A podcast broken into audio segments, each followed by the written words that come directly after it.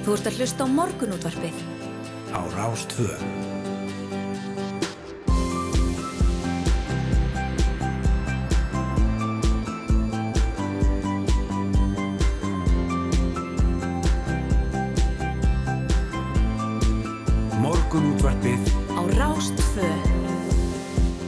Morgun útvarpið býður góðan dag þessum fína förstu degi, klukkuna vantar tíu myndir í sjó og það er Yngvar Þór og uh, Snæður og Sindardóttir sem ætla að sitja hérna með ykkur til klukkan nýju í dag. Já, ég bara, bara brast fram brosa vara mín að þú segja Já. föstur. Já, einmitt. Það er bara- þess að sofa út af morgun. Ó, yndislegt, svo spennt. En við ætlum að bjóða bá eitt á annað í dag, menninganóttir á morgun og því fylgir að tónaflóð rásar 2, stórtólangar á Arnarhólu þar sem öllu er til tjaldað.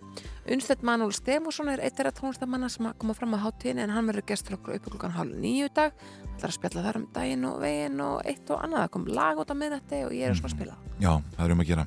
Nú borgaráðu kynnti gerð 6 tilöð til þess að breyðast við leikskólavanda í borginni og tilöð að það muni skila 553 nýjum leikskólaplásum á þessu ári. Nú Kristín Tómasdóttir sem staði hefur fyrir mótmálum í ráðhúsinu gaf lítið fyrir tilöðunar í gerð og hjælt mikla eldræðu sem var gefið mikla aðtegli og segi borgarfulltrú að vera plataforeldra og pakka tillögum inn í óskiljanlegar tölur. Það er engar dagsetningar og engin bein svör og við ætlum að ræða við Kristínu um framhaldið í lok þáttar hérna um byrjum kortir í nýju. Emitt, en hérna í upphafu þáttar þá ætlum við að ræða uh, stóra vísindaráðstöfnu sem fremfer í hörpu í næstu viku og fjallar um afdrif ís og snjós á Íslandi en jöklar hafa undarfarin á rýrnað um alla jörð og einar stóru ísbreyður Grænlands og Suðsköldslandsins leggja sífælt meiri til hækkunar heimshafana. Þarna ætlar að tala meðal annars Hrafnildur Hannesdóttir, sérfræðingur í jöklaransóknum um það hvernig íslensku jöklarnir eru eins og lifandi tilhörnastofa um loftslags breytingar og hún verður gestur okkar eins og ég sagði hérna áðan í upphæðu þáttar. Emitt og síðan klukkan, eh, já svona hálf átta cirka, þá eh, við að ræða Unni Jónsdóttur, hún er eh, já, hagfræðingur hjá Landsbankanum sem spáði því nú að hámarki verðbólgu sé þegar náð og í september megi strax sjá hjöðunum. Nú miklar hækkanir á húsnæðsverði hafa verið megin drivkraftur verðbólgunar undarfærið en landsbankin telur að njús sjáist hins vegar í að fyrstu merki kólnunar Mm. á þeim markaðum. Við fáum uh, mögulega stýrivastahækun hvað næsta miðugudag vendalega Já, og uh, en það er jafnvel talað að það muni verða síðasta. Já, Já. emitt, þetta, þessi svona við sem að sigla út úr ákveðinu skeiði og það, ég meina, góða fréttir efnaðsmálunum eru að góða fréttir, það er bara þannig. já, það eru góða frétti fyrir, fyrir öll. Áhugavert að við skulum aðeins að vera, þú veist, fyrst við erum að nefna þetta, yngvar, þá rækja augun í fréttikær hjá uh, Innherja, Já, já, þar sem að talaði um Ásker Jónsson, sæðlabankastjóra sem fekk hæstu engun Global Finance. Þetta er tímaritt sem að gefur sæðlabankastjórum heims engunir frá A til F mm sem byggist að því uh, hversu vel þeim hefur tekist að koma böndum á verðbólgu og þar er Ásker Jónsson hinn íslenski sæðlabankastjóri með einhverjuna A+, já, sem að, uh, já, svona í hefbundnu háskólakerfi bandarækjunum heitir bara TIA. emitt og hann er hérna einn uh, emitt með A+, eins og nefndum hérna og, og þetta tekið skemmtilega saman hér á VF innherja. Það eru þó nokkrir selabokastjórar með A. Einmitt. Það er hérna mikið af, af ríkjum hérna í uh, í Suður Ameríku og, Og Asíu já. og, og reyndar Stefán Ingvars líka uh, selabokastjóri Svíþjóðar Mm uh, og, en þetta er svona aðalega selabokastjórar hérna í uh, já, Asíu og Suður Ameríku sem er að, að fá A, Einmitt, já. Hvað segir það um Íslands efnahagsleif? Það er spurning. það er spurning það er spurning, en við erum allan með A+, eða þú veist, áskýrum með A+. Þetta er, er forðanlegt. Um, síðast við gáðið að jafn mikið verðbólga hér eins og, uh, já, við hver annar staðar. já, já, kannski er hortið þess að, að krónun er viðkomur gæld með sem að, já, já. já, svona er Það þarf Svolítið- lítið til til að hann, hann, hann taki miklum breytingum algjörlega, algjörlega. Já, höldum áfram.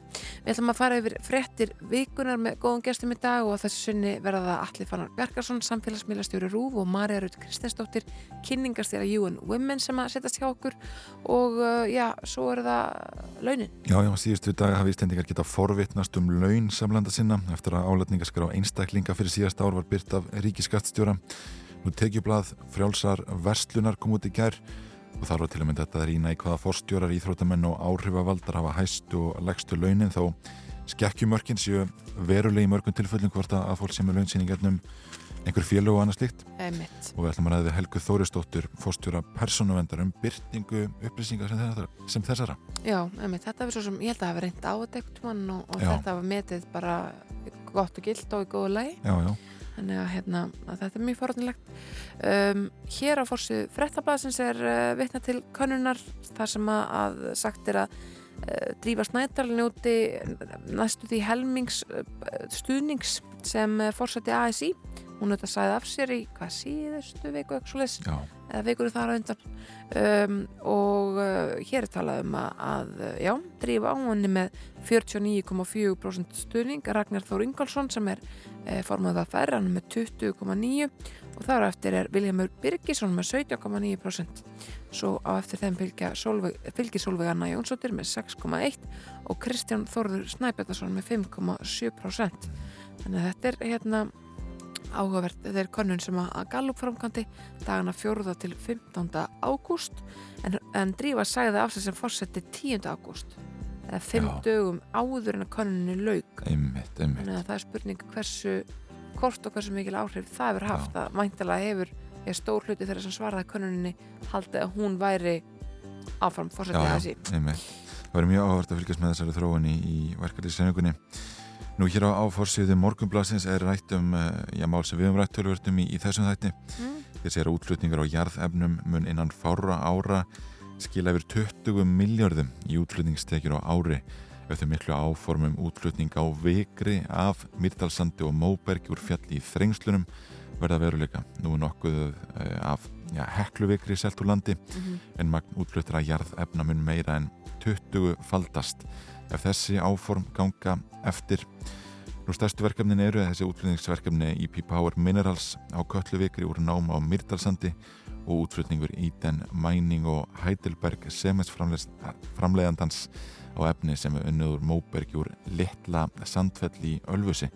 Við nú rættunum verðum um bæði þessi áform og Já. eh, en útflutningu þessar tvekja fyrirtækja verður yfir 2 miljónir rúmmetra Mm. þegar starfseminn verður komin á fullt skrið. Einmitt. Uh, Fréttablaðið er dölur þessa dagana að fjalla um ímis umhverfismál og hér á uh, síðu 2 er rætt stutlega við auðvönu Magnúsdóttur framkvæmtastjóra landarndar sem að kalla eftir því að þeir ríku greiði hlutvarslega meira fyrir uh, alvarlega náttúruspjöll á Íslandi meðal annars utanvegsakstur eins og það var svolítið máli gær, það voru ítalir sem að játuð á sig að hafa verið að spóla hann einhvers staðar á Já, já, hvort það var að möðurdarsöraðum eða eitthvað, eitthvað slíkt. Uh, og það, hérna, já, hún er að segja að þetta ætti að eigi að vera það eigi að vera hásektið þessu og hún eigi að vera hlutvalslega, sagt, með við tekjur fólks.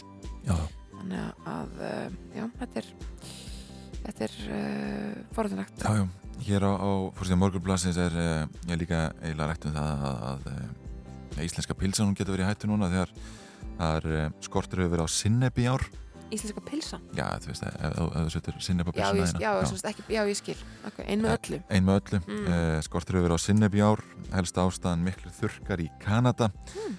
Í þærri landir framleitu um það bil fjögur af hverjum fimm sinneps fræjum á heimsvísu og verða fræjunum hefur þrefaldast í kjölfar þurkana já, og framleiðendur á sinnebi hafa dreigið saman seglin. Og skorturinn hefur valdið því að sinneb er skamtað á alla markaða, markaði. Þar á meðal til Íslands og hillur hafa víða verið tómlegar í kjörbúðum landsins að undaförnu þar sem venjulega sitja krukkur af sinnebi þannig að eh, já, þetta, þetta er áhugavert að við reynda að stýra frambóðinu hér á landi í ár en vist er að Íslendingur eru loksfarnir að finna fyrir skortunum en framleysla næt sér ekki á strik fyrir en eftir áramót. Áhugavert en, en það sem er búist því að þá munum ná sjálfstreik Já. er verður þetta viðvarandi sinnupskortur Nei, ég er ekki að vona að, að úr þessu rætist núna. Eh, það segir allavega hér að, að framleyslan komist allavega eitthvað á strik já, eh, um áramóti íslenska pulsusinnum er ansi gott Já, það það er eiginlega nöðsulegt Já, það er eiginlega nöðslegt. Já, við skulum skipta yfir á fréttastofuna að heyra hvað þau hafa að segja um uh, já, atbyrði næturinnar og fá svo uh, já, meira af morgunóttarpinu. Þú ert að hlusta á morgunútvarpið. á Rástvö.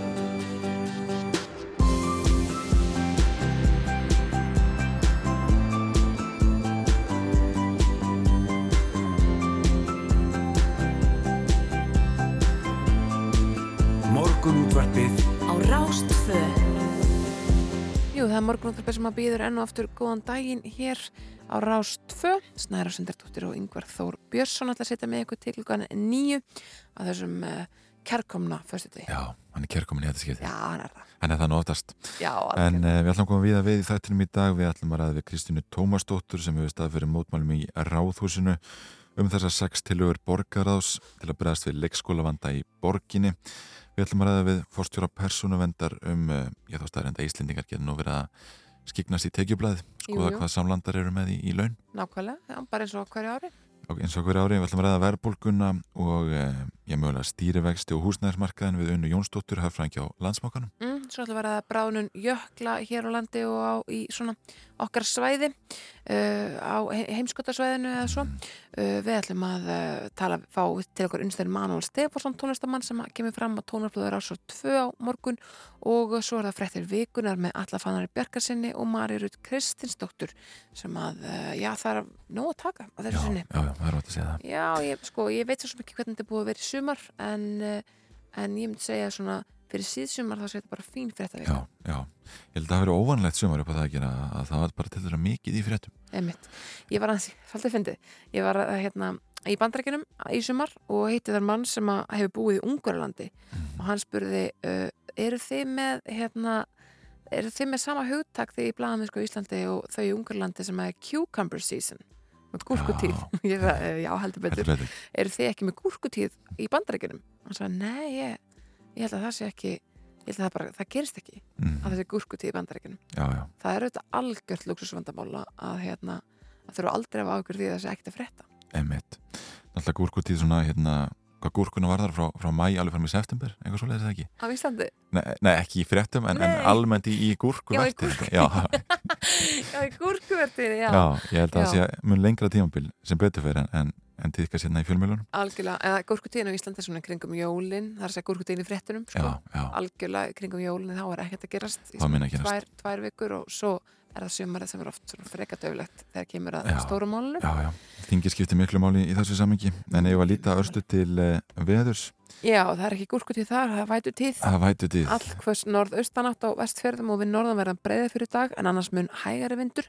Það er talsverð regning á norðanverðum ströndum en skúrir í öðrum landslutum hiti 7-15 steg og hlýjast á suður og suðaustur landi og ég er að skoða hér kortið í háteginu svo það lítur út og það er bara já, það virkar mun blöytara heldur en hugleðinga viðfræðings uh, gerir Já. ofrir. Það virkar, það er bara grænendur regning hérna í Stikisólmi og Akureyri uh, eigirstöðum líka upp á Rauvarhöfn á hverjavellum á hálundinu og, og svona nokkur drópar hér í Reykjavík og uh, eftir því sem líður daginn þá fjölgar dróp, drópunum í, í bara flestum byðalöðum. Mér sínst engin staður sleppa nema kannski Patræksfjörður. Það eru tveggjast á tölur og, og þá er rigningin bara notaleg. Ég er það einhver. Upp að einhverju Ég veit það ekki, þessi 12 metrar á sekundu sem verður stikki sólmi og regning, það hljómar ekki eins og notægt í mínum meirum. Á þess að þetta vera með neinn leiðindi en, en hérna, það er svona, þetta er, nei. hún verður alveg hún verður kannski ekki alveg lárétt en hún verður fasta því lárétt já, einmitt. Nei, 12 metrar á sekundi er kannski undantekninga á, á notalega heitunum. En uh, ef að líta aðeins á, á vegagerðarinnar, hér kemur fram að uh, það eru framkvæmdur á bústafegi. Loka verður á bústafegi í dag uh, til og með 28. ágúst frá nýja ringtorkjunu að Reykjanesbraut vegna vegafinu.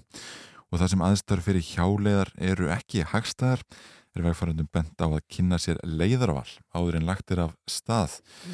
Eh, Það er ágætt að hafa það í huga þegar að farið að stað eh, inn í hennar dag. Eh, Líka framkvæmdur hérna á Mósusheiðinni, þar er unnið að klæðingu þingvallavegar á Mósusheiði, umferðastýringir á svæðinu og geta orðið einhverjar tafir á umferð á Vesturlandi sömulegis. Eh, Á morgun þar verður rallaksturskeppni á Uxarhyggjum og Kaldadal og vegurinn eh, lokaður frá eh, já, tímyndir í nýju á morgun til 11 en vegurinn um Kaldadal frá hálf 11 til 1 Mm. eh, gott að hafa þetta í huga þegar farið að staðin í einhver ferðalögum helgina og eh, Já, það er reyðhjólagjafni líka í borgarfyrði. Vá, allt Já, gerast. Já, frá því snemmaða mótni og framvætti degi má búast að umferðatöfum á nokkrum vegum í uppsveitum borgarfyrðar vegna reyðhjólagjafni. Vagfærandur peðinur um að sína keppendum eh, og starfsmönnum til þetta sem á meðan á keppni stendur. Emmitt. En við, eins og við fórum yfir áðningur, þá ætlum við að eh, fjalla um mitt og annað þetta er um í dag en við ætlum líka að spila góð tónlist eins og, all, eins og alltaf og byrja þennan dag með henni góðsakna Kentu Sveit Fujis. strumming my pain with his fingers, singing my life with his words, killing me softly with his song.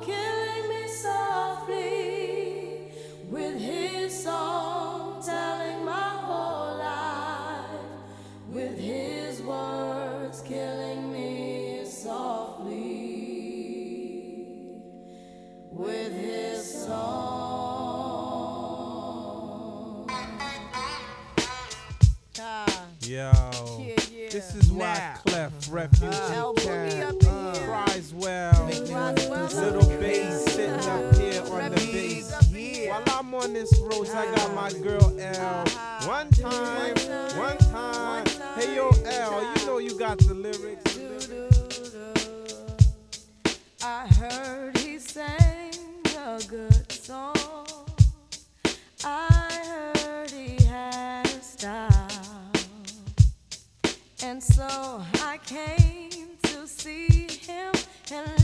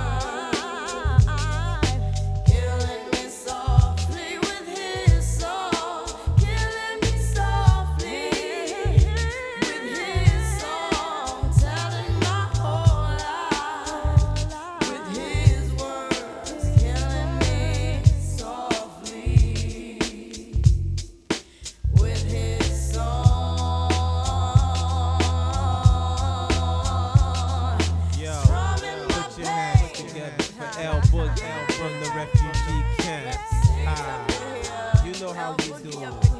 Why clap prize well. My man, little bass. Ah, Jerry, one time.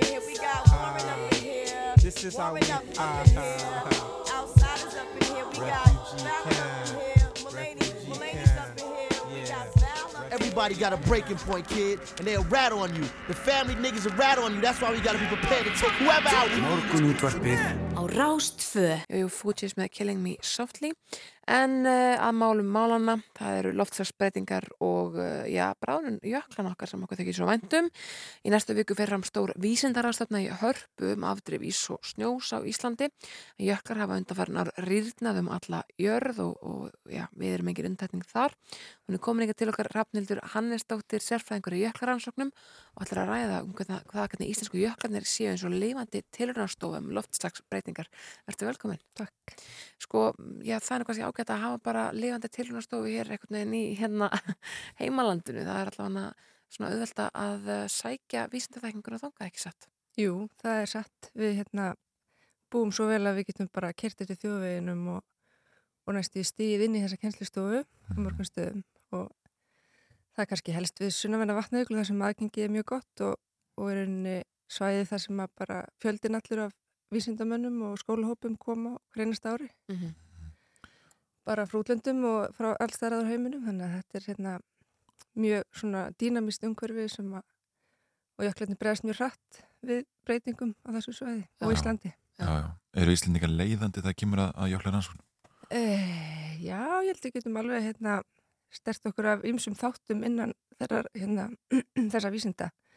Það er kannski svolítið sérstakt hér að það er hérna, þetta samspil elds og ís sem er auðvitað ekki mjög víða Nei, nei. í heiminum en við erum hérna við erum alveg samkeppnishæfi í þessu.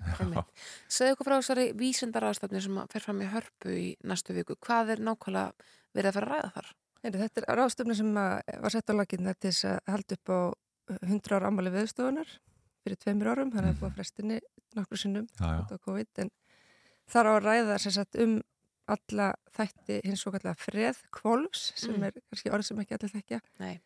en það er bara einu allt frósi vatn á jörðinni það er jöklar og snjór og hafís og sífreri og lagnar í sí ám Mm og þetta er bara samspil þessa vassins við líka útöfun og, og hérna veðrakerfin en þetta er nýmæli kannski að fjalla um alla þessa þætti á Já. Já. en svona jök, jök, jökla breyðurnar á, á Grænlandi og Suðurskustlandinu fá auðvitað talsverð aðtikli þarna Mhm. sem eru svona þungda, þungaviktar hérna, leikmenni þessu öllu. Já, og er það verið að kynna nýjar niðurstöður einhverja rannsókna eða er Já, það verið að taka þá- þetta saman einhvern Það er bæði eiginlega, það á svona að taka púlsin á þessu, það eru auðvitað mjög mikið starf unnið, e, gefnur út skýrslur með reglum millibili, þar sem er verið að taka stöðun á þessum þáttum út um allan heim, en, en svona rástöfnum þá komar alltaf nýjustu, nýjustu rannsóknar. Þú nefnir það að Grænland og, og Suðskötu séu þungavita leikmenn í hérna, jöklabransanum. Uh, sko, eru íslenski jöklar bara eitthvað frímerki í, í þeim samanbyrði? Skipta, skipti bráðunum íslenskara jökla minna máli?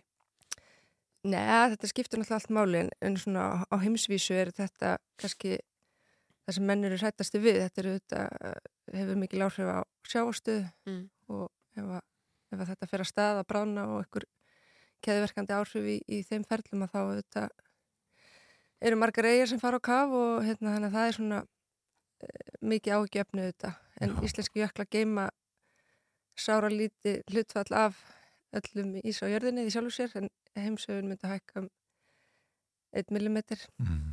Ef að íslenski jöklar Já. Já. en þeir hefur hafa auðvitað öðruvísi áhrif og bara hér á landi veist, landið er að rýsa þar sem að jöklarnir eru að hörfa hvað mest þannig eins og höfni hotnafyrir þar sem er landrýsa sér stað að þar er þetta fyrir þetta kannski skapa vandræði fyrir hafnarskilirði og, og fleira þannig að það er svona alls konar hérna, áhrif sem þeir hafa hér á landi Já, já, einmitt.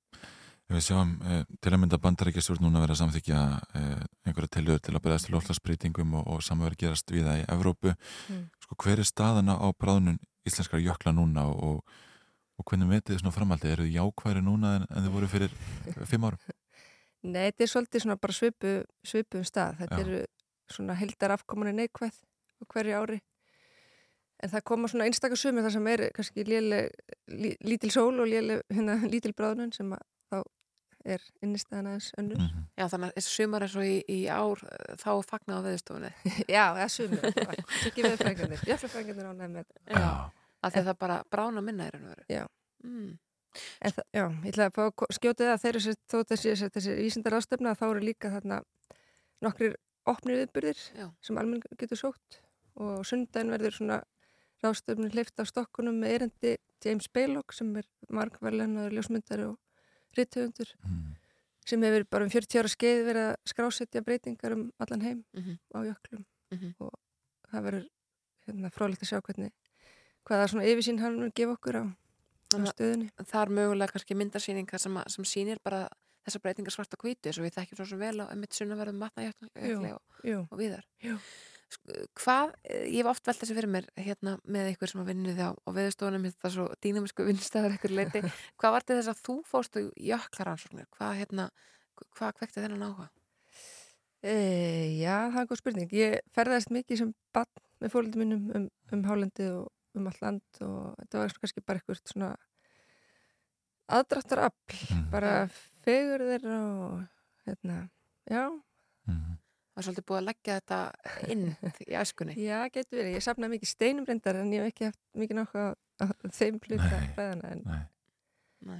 He- Heldur unga fólki í dag hafi, hafi jafn mikið áhuga á jöklunum og, og steinunum? Eða er, er það að missa þessa tengingu við, við landi? Ég held að við þurfum að passa okkur aðeins að við þurfum að hérna, vera duglega að bara fara með þau út Mhm. og hérna leiða þeir um, í sannleiku um allt sem að Íslandi verður upp á að bjóða og það er kannski svolítið svona ekki sorglegt en það er að háskólar og framhaldsskólar hreinlega bara í Breitlandi og Bandaríkunum er að koma hérna í stórum flokkum til þess að sína sínum nefndum bara þessa kennslistofu Já. og við einhvern veginn erum ekki alveg búin að leggja inn peningin til þess að gefa íslenskum krökkum sömu tækifæri. Þannig ég held að við þurfum að fara taka samtali við mentamála ráðnættið og reyna að alveg framtíða vísitumenn Einmitt. Ágættis loka orð Rafnaldur Hannesdóttir, sérfræðingur í jökkaransóknum. Takk hérlega fyrir komuna. Takk fyrir mig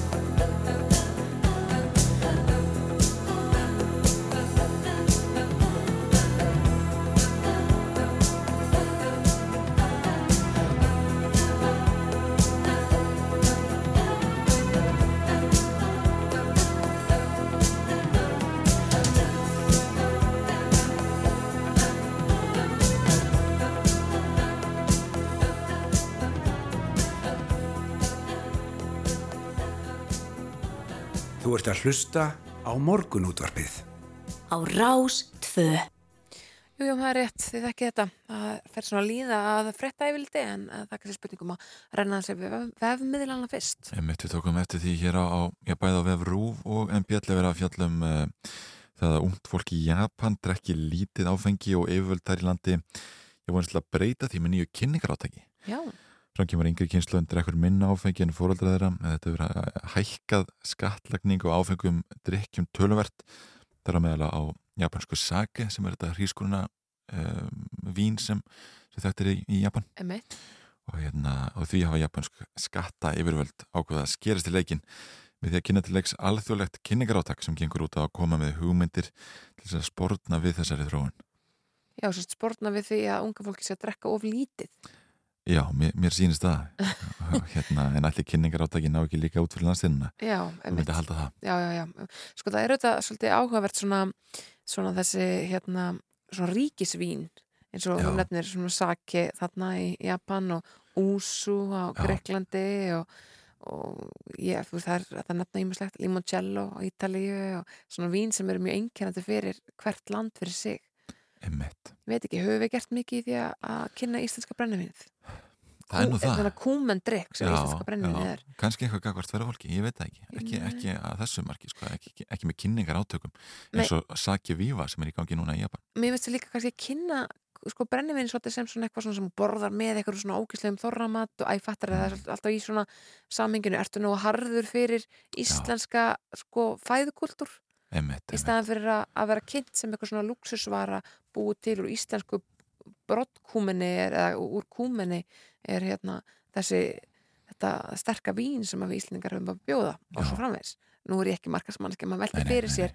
sko, ef með það sake er klárlega þar. Það er ekki kynnt sem eitthvað svona grottardrykkur Nei, en það er nú kannski einhver munur á bragðgæðum góð Saki og, og, og brennivín svona að einhverju leiti, getur við sagt. Jú, algjörlega, en eins og tequila sem er hérna mjög Mexikóst þar sko þar er, er ekkert endilega lenskan að taka það eins og á íslenskum börum með skoti, sítrunu og, og salti. Það er oft bara gæða vara sem er verið að dreipa á hægt og rólega yfir heilt kvöld og svo, svona Já. luxus í kringum það sko. Já, já, einmitt. Við getum alveg við getum alveg prófað það. Ég veit ekki.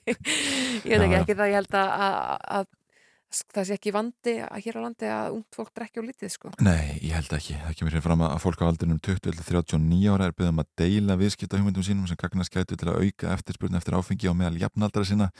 Samakost uh, það er eftir japansku saki, viski, bjóri eða víni. Já, En að fjölmjölar, já nákvæmlega, fjölmjölar sagði hérna að viðbröðin hafi verið misgóð og sem er hafi gaggrínt átaki fyrir að styðja við óheilbrygt lífverðni. Þetta er nú önnur staða en við rættum um uh, hér í Danmörku það sem uh, er mikil drikja og verið að kalla þetta því að, mentaskólar bregðist við og, og hætti að gera áfengistrykju hátt undir höfði. Já, Það eru danir, eða dönsk ungmenni sem drekka held ég mest allra í Evrópu, allavega svona sakvæð einhverjum skráðum könnunum. mitt, mitt Talandum djammið þá er uh, hér í hjá Guardian langt viðtal við Björk og Guðmundsdóttur og það er mitt, byrjar á því að tala um COVID djammið og, uh, og klikkuð DJ kvöld það sem að, að 20 manns máttu koma saman í eitthvað svona reið sem hún var að halda.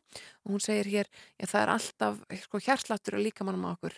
Þannig að ég held að í COVID þá hefur verið hansi löt, setja heima, lesa bækur. En þegar við komum saman drukkum og, og djömmum þá urðum við smá hérna, smá uh, klikkuð og Já. svo fjall allt í dúnalogn fyrir miðrætti þannig að hún er að kynna hérna nýja plötu sem er að koma út sem hún segir að sé sko, 90s techno bara svona já, spennandi. Akkurat. Við ætlum að ræða hér peninga eftir smá uh, sem skipta öllu máli í okkar samfélagi. jú, jú. Uh, við ætlum að forvindast aðeins út í verðbólgunna, stýrivexti og húsnæðismarkaðin Una Jónsdóttir, hafðfræðingur, landsbókans kemur til okkar. en mitt, en fyrst frétta yfirleitt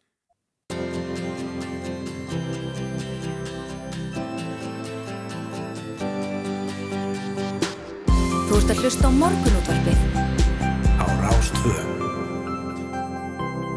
Jú, jú, morgunútturpið heldur hér áfram en landsbánkin spáði því að hámarki verðbólgu sé þegar náð og að í september megi strax sjá hjöðnun. Uh, Una Jónsdóttir, hagfræðingur hjá landsbánkunum hinga komin góðan daginn. Góðan daginn. Hvers vegna tellið þið að hámarki verðbólgu sé nú náð? Já, það er nú bara svona uh, fl- flestar skamtíma vísbendingar sem benda til þess og það sem má kannski helst nefna er að við sjáum mögulega að það sé einhver vendipunktur eiga sér stað á fastegnumarkaði. Já. Eftir tímabil mjög uh, mikill að hækkana þá fengum við uh, mælingu á vísutölu íbúðavers millimána í júli sem síndi aðeins uh, ríflega 1% hækkun millimána og við vitum að það er alltaf einhver tímatöf í þessum gögnum uh, þannig að það kemur ekki alltaf strax fram uh, hversu rólegt það er orðið en, en það er svona bendi til þess að það sé farið að hæja á að, að, og, og þannig að húsnæðisliðurinn er svo stór þáttur inn í verðbólgunni þannig að, þannig að við höfum svolítið verið að býða eftir þessu að sjá svona aðeins hægari takt á fastegnamarkaði og, og, og þá munum við mögulega geta séð hjöðnun verðbólgunar en þetta er samt sem áður ennþá bara spá. Við erum ekki ennþá farin að sjá hana nei. en við svona gerum ráð fyrir því að hún mun nokkur veginn standa í stað núna milli mána þar að segja árshækkun á vísitölu neysluvers þá gerum við ennþá ráð fyrir smá hækkunum milli mánaða en það er verða bara alltaf svona minni heldur en við höfum verið að sjá. Og þar með mingar þessi ástaktur Þetta er auðvitað askaplega góð tíðindi ef að, ef að rétt reynist.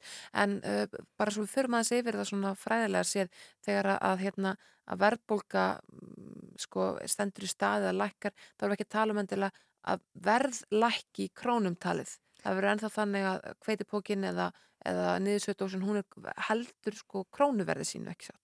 Jú, og alveg litlar hækkanir milli mánaða sko. Já, Vistu, við erum bara, og þetta, þetta tekur langan tíma að vinda ofan af þessu. Og þó við fyrir að sjá okkur í hjöðinu þá er að tala um 9% verðbólgu sem er mjög hátt. Já. við sjáum mögulega að fara niður fyrir nýju í cirka november, samkvæmt nýjustu skamtíma spá um, og, og já, eins og þú segir þá, þá myndi þetta alveg þýða við eins og núna við erum að spá 0,4% hækkun millimána í ágúst því við erum verið að hækka með, í ágúst með við júli, en samt er ástakturinn sá sami en, en það er bara því að þetta er, þetta er svona aðeins flóknar já. heldur en svo þetta sé bara verið að taka púlsinn hverju sinni hlutinni verða ekkert ódýrari Nei, hlutin verða ekki ódýrari, Nei. nei. en þeir hækka ekki jafn hratt. Emitt. Það er náttúrulega bara svolítið erfitt að vera í þannig ástandi að það er alltaf að hækka bara, þú veist, það, það býr til eitthvað svona panik ástand þegar hlutir hækka og hækka og hækka.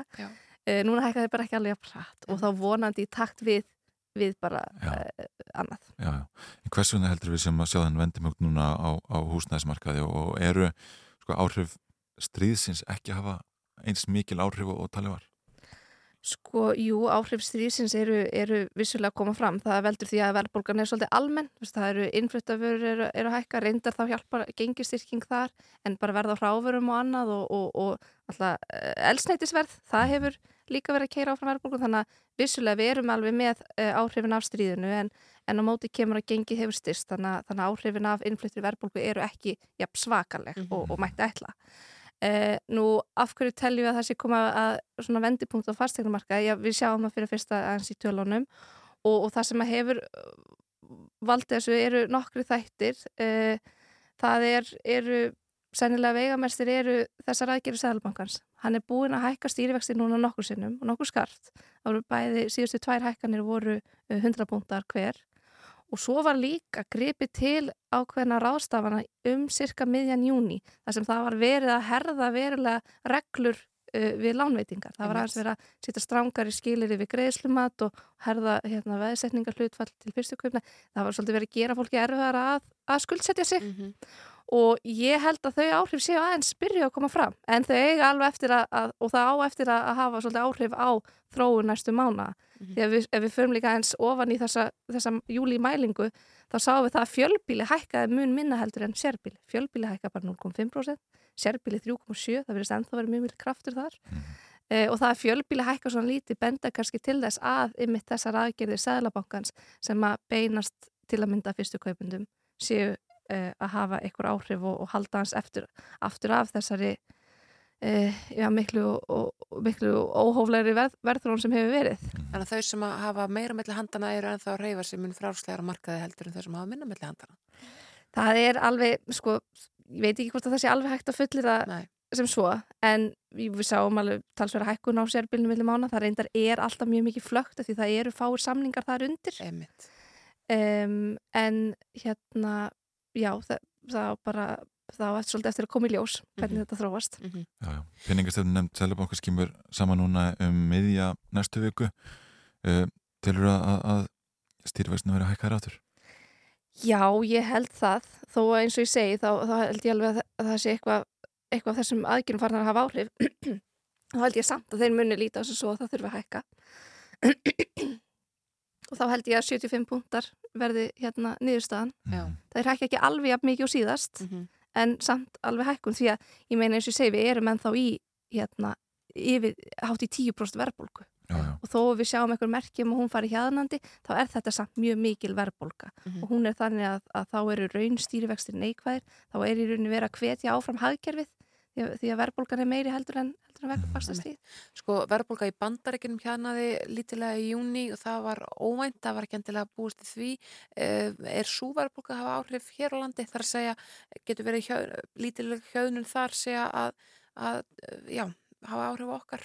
Já, sko verðbólga erlendis hefur alltaf einhver áhrif hinga heim Mhm. þannig að vissulega verðbólga hjaðnar úti þá, er það- er það gott fyrir okkur hér heima líka uh, en á móti kemur að gengi hefur verið að styrkjast þannig að við fáum ekki allar þessar hækkanir erlendis frá með, með sama, uh, sama krafti Já, einmitt. Við erum búin að sjá svona einhverja dýrtíðir núna undanvarna vikur og, og mánuði. Erum við þá að sigla út úr henni hægt og bítandi í vetur? Já, ég held að við getum alveg uh, vonast til þess svona mjög samt, við tökum lítil skref. Það verður stutt, stutt skref út úr, út úr þessari miklu dýrtíð en, en það er allavega mjög ánægilegt að við sjáum loksins þessi merki, það er fastegnaverði og svo sáum við líka bara smá lækkun á, á, á dæluverði elsneitis mm þannig að og það verður til þess að við, við, við færum þess að spá aðeins niður. Þannig að ég held að það megi alveg, alveg e, lítið aðeins á björtusliðinar og, og, og vonast þess að við séum að komast eitthvað upp úr sig, en það, það tekur tíma. Já, já, einmitt. Ég held að þetta sé ágætt loka orð. Muna Jónsdóttir hafði hjá landsbankunum. Takk fyrir að kíkja til okkar í morgunútrupið. Takk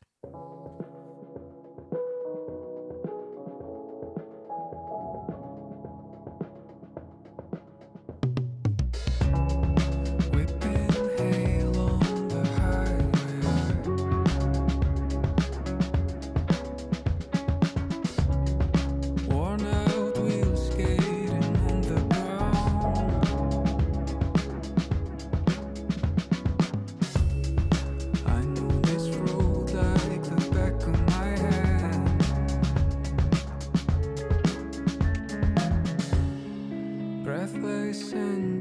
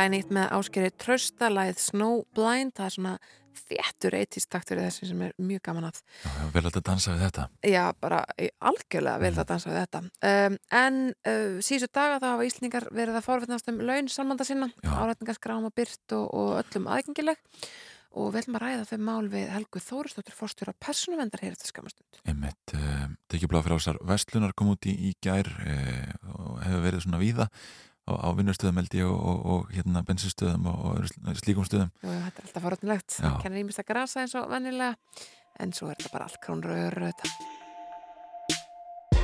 Nice to meet you where you been. I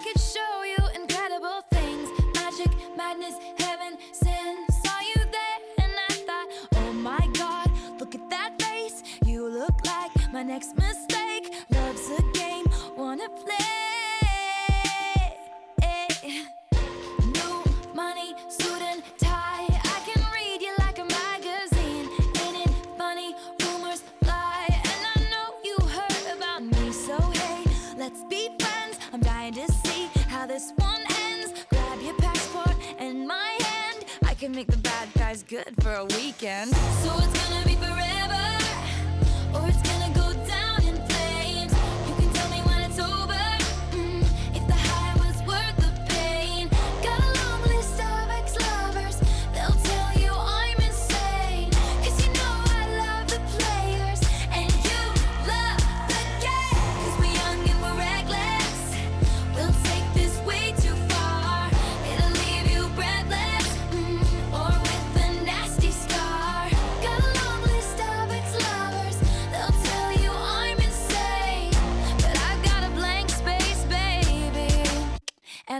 write your name.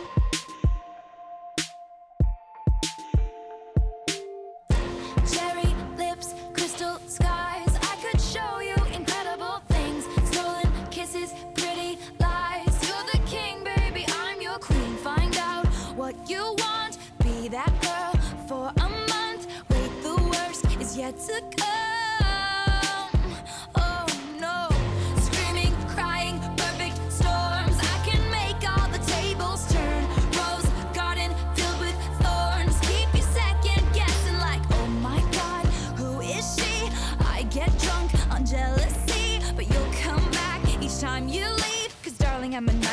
dressed like a daydream. So it's gonna be forever, or it's gonna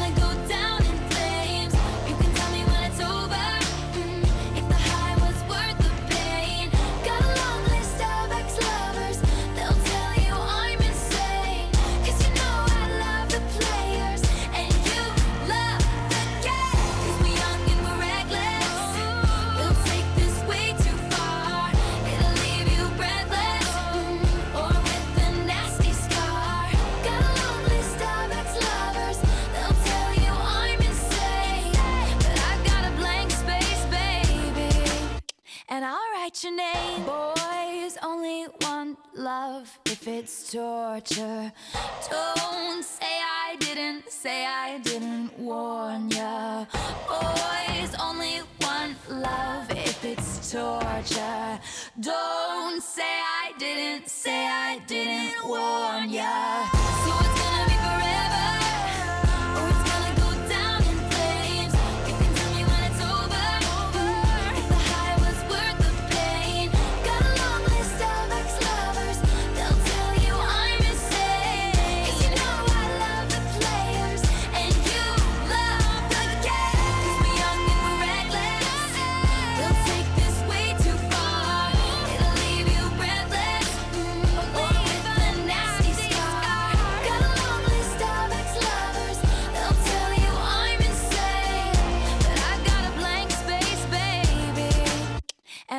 Write your name. Jú, síðustu daga hafa Íslendingar geta forvittnast um laun samlanda sinna eftir að álætningarskrá einstaklinga fyrir síðasta ár var byrt af ríkiskattstjóra. Tekjublað frjálsar vestlunar kom út í gær og þar var til að mynda hægt að rýna í já, hvaða forstjórar, íþróttamenn og áhrifavaldar hafa hæstu og legstu launin þó að skekkjumörkin séu einhverji í mörgum tilfellum. En Helga Þóristóttir, forstjóri persónuvendar hinga komin, góðan daginn. Góðan daginn. Má þetta?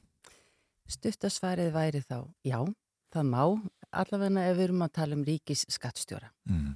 Og það var þannig að e, ríkisskattstjóri óskaði eftir áliti persónvendar fyrir nokkru síðan um það einmitt hvort að, að hann hefði heimil til ákveðna vinslu persónupplýsinga við framlagningu á álagningar skrám.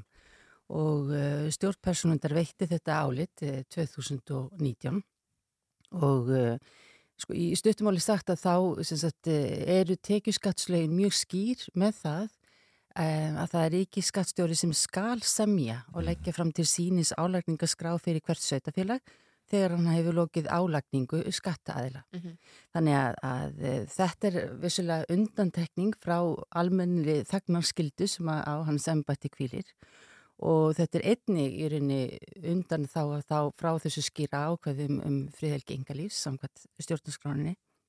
Þannig að um, þetta er í rauninni niðurstað persónundar að, að það sé afdróttarlaus lagaskilda fyrir ríkistgattstjóra að leggja þetta fram og, uh, og það er ekki ástættus að skýra orðalagi þringra heldur en eh, efni eru til Mhm. og það er lendi samanýmist þetta persónundalögunum Mm. Uh, og, og er heimilt fyrir hann. Já. En af hverju er þetta mikilvægt að, að þessi gögn sé ofinber fyrir bara alla þjóðina? Það er að fara inn til hérna ríkiskastur núna og skoða sko, hvað nákvæmna mann sem er laun. Einmitt, já það, þetta er svona eins og maður segir sko hvað er ákveði í lögum landsins Þa, það er í rauninni þá þing meiri hluti á sínum tíma sem ákvað þetta uh, í rauninni ákvaða þetta ákvæði ætti að vera í teikjuskattslögunum þannig að það má segja þú veist meiri hluti þings ríkistjórnum hverjum tíma ákveðir eitt og annað og þetta er eitt af því sem var ákveðið fyrir uh, löngu síðan um, það eina tilgangnum sem, sem hefur verið nefndur er þetta að að, jú, að, að stöðlað upplýstri umræðu um skattamál Mm. uh, og þá er spurningin getur gett ekki vísbendingar um já bara hvernig landi liggur ég menna eins og við sjá núna þá, þá er verið að tala um ofurlaun ákveðina stjætta og, og samramýst eh, þetta hildinni og hvernig samfélagið á að vera og, og jáfnframt getur þetta kannski ekki vísbendingar um já, undan skot launa og slíkt. Þannig að ég meina við viljum þetta sé sangjant og réttlátt um hverfi og við viljum að þeir sem er að þérna greiði skatta því og slíkt. Þannig að, þannig að þetta er allavega löggjár viljin, eh, hefur verið svona og við erum, eh, sko nú hef ég ekki alþjóðlegan samanburð en, en við vitum að, að, að þetta er í rauninni að einhver leiti staðan sumstar annar staðar. Sumlönd eru með stífari reglur og byrtið ekki og önnulönd hafa ákveða að, að hafa þetta svona. Já, en, en við sjáum að já, fólk þarf að fara til ríkiskattstjóra til að finna þessar upplýsingar og fjölmjöla geta síðan drefti áfram. Það hafa komið frumvarp um það að, eh, að þegar byrtið allt er rafrænt bara á vefsíðu skattsins og það er eiginlega að geta að fundið já, hverju laun samstagsfólks þíns eru og, og stöla þannig að launa jafnrétti. E, máð, mætti það að, sérst, að, að þú getur bara lokkað inn á, á vefsíðu skattsins og, og, og leita að þessum upplýsingum? eins og staðan er núna að þá erum við í rauninni sem sagt, eh, já, aftur, það, það var annar mál hjá personun sem einmitt tók á þessu og það er þetta að þessi í rauninni gamla útgáfa á, af skrám ef þú ert komið með þetta í, rafrænt umhverfi þá er náttúrulega er, í rauninni engin takmörk fyrir áframhaldandi deilingu og dreifingu og slíku á þessu þannig að eh, eins og ákveði var hugsað að þá er þetta framlækning ákveðni skrá þannig að þú getur í rauninni haft stjórn á þessu. Mhm. Þú ert komið með þetta í rafrænt umhverfi þá missur alla stjórn. Mhm. En að samanskapi þá skiptir líka máli mitt sem sagt hver er að dreifa þessu og eh, ef það eru fjölmiðlar þá er jáfnframt búið að taka á þessu í áliti persónvendar að, að það er að minnstu kosti ekki persónvend sem hefur valdheimildir til þess að, banka upp á hjá fjölmiðlum. Fjölmiðlar þurfa jú að vera með sanngjarnan fréttarflutning og, og þetta sé satt og rétt sem að uh, um er rætt á hverju, Mhm. hverju stígi en það er dómstóla að hveða og skera á um mörg tjáningafrelsis á móti fríhelgi engalís. Það er ekki allavega persónvend. Nei, það er fín lína. Sko, eh, fólki þykja persónulega fjármál sín svona viðkvæmt mál. Sumir vilja láta lítið út fyrir að- þeir eigi meira en þeir eiga og aðrir vilja alls ekki að allir viti hvað þeir eiga mikið og svo framvegis. Þetta þetta er svona, já, þetta er mjög mikið prívat að hérna mál. Þannig að sko þið hljótið, þá hlýtur fólk að hafa samband jafnvel hverju einasta ári sem dettur inn í skrána hjá tekjublaðinu eða hjá fjölmjölum og segir býtunum við heyrðu það bara að allt í hennu veit að þjóðin hvað ég er með í laun. Fólk hlýtur að hafa samband við ykkur og, og líða, líða eins og það sé bara brotið á þeim eitthvað leiti eða þeim misbúið. örfáir og, og jafnvel varðla það uh, nú orðið vegna þess að, að það, það hefur verið heilmikið í umræðinni það hafa uh, aðri aðlar heldur en ríki skattstjóri farið innan þennan völl og eitthvað hefur verið skoða hjá okkur. Þannig að sko, ég tek alveg undir með ykkur þetta er daldið eins og mann finnst persónulegs eðlis, í rauninni þetta sé svona, svona þetta sé allavega ykkur upplýsingar sem eigi ekki verið allra vitorði, en lagarammin hefur samt skilgrinda svo að fjárhagsupplýsingar eru ekki viðkomar persónuupplýsingar Nei. allt annað heldur en heilsufarsupplýsingar og, og annað slíkt Mhm. Já, já. kynneigð og, og, og trúfrelsu og slíkt eða trúaskoðun. Þannig að, að, að í persónu vendar umhverfinu þá eru fjárhagsupplýsingar ekki metnar viðkvæmar. Þannig að, að samt þarf alltaf að vera heimild fyrir því hver vinnur þetta og ég get sem dæmi nefnt að það kom finnst mál 2017 og þá var það einmitt engaðali sem að fór að byrta upplýsingar frá finnskum skattaðjöföldum og í gríðalegu magni og í rauninni þannig að það voru 1,2% finnskra þegna sem voru skattgreðandi sem voru, hversu upplýsingar voru byrtar. Um, þetta fór allarleina til uh, Európu, uh, til domstóls og, og, og þá var eiginlega niðurstaðan á endunum þannig að, að uh, þetta var í rauninni þannig að að þetta var metin uh, óhófleg upplýsingamiðlun út fór út fyrir ramma einmitt fjölmiðlunar, það er spurning eins og segir hvað liggur línan. Eh, þannig að línan liggur einhver staðar en það var þarna í rauninni satt að svona ákveðna grunnupplýsinga þarna þóttu eiga erindi til almennings. Já. En það bara í rauninni ef að, ef að landið og miðin eru byrt sem þarna þóttu sitt eitt þriði skattgreinda í Finnlandi, það þóttu of mikið. Já. Meni, hér þekkjum við blöð sem taka á jú við einhverju nöfnum en þetta, þetta, þetta fer alltaf eftir því hvernig er byrtingin og hvernig er eðli byrtingarinnar það gæti verið eitthvað sem person þyrsti að skoða eh, eftir hvað fólk myndi ákveða að gera.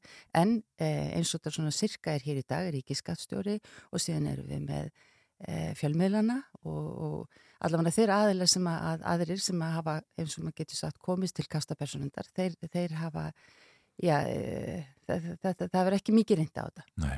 Helga Þórsdóttir, fórstjóri persónu vendar, þetta er alltaf áhugavert, takk fyrir að kíkja til okkar í morgunúttarpið. Takk sem leist. Hér eftir skamast að förum við yfir frettir vikunar með góða fólki. Það eru þau Alli Fannar Bjarkason, samfélagsmiðlastjóri Rú, Rúf og Marja Raut Krististóttir kynningastýra UN Women sem alltaf koma sér fyrir hjá okkur og það er eitt og annað í frettum. Já, það er ótt að segja það. Með bakslag gegn hins eginn fólki, formannskjör í samfélkingunni og ég veit ekki hvað og hvað. Það er margt og mikið að fretta. Einmitt, hér eftir frettaflut klukkan, eh, já, hálf nýju, þá ætlum við að ræða við Unstein eh, Manuel, hann er á menninganótt á tónaflóðir ásar 2 og við ljúkum síðan þættinum á, á viðtal við Kristínu Tómasdóttur sem hefur staðið fyrir mótmælum í Ráðhúsinu. Og eh, já, gefur lítið fyrir þessar sex tillögur sem borgaráð kynnti í gær til að bregðast við leikskólavanda í borginni. Einmitt þau sögist hafa unnið bara dag og nótt að þessum tillögum en uh, já, Kristín var ekkert sérstaklega sátt við þetta. Nei, hún tala um það að uh, það sé reynilega verið að plata fóreldra og pakka tillögum inn í óskiljanlegar tölur á einhverjum glærusynningum. Einmitt. Það verður áhugverð að heyra það en fyrst heyrum við uh, í frettastofunni og átta frett. Þú ert að hlusta á morgunútvarpið. Á Rástvö.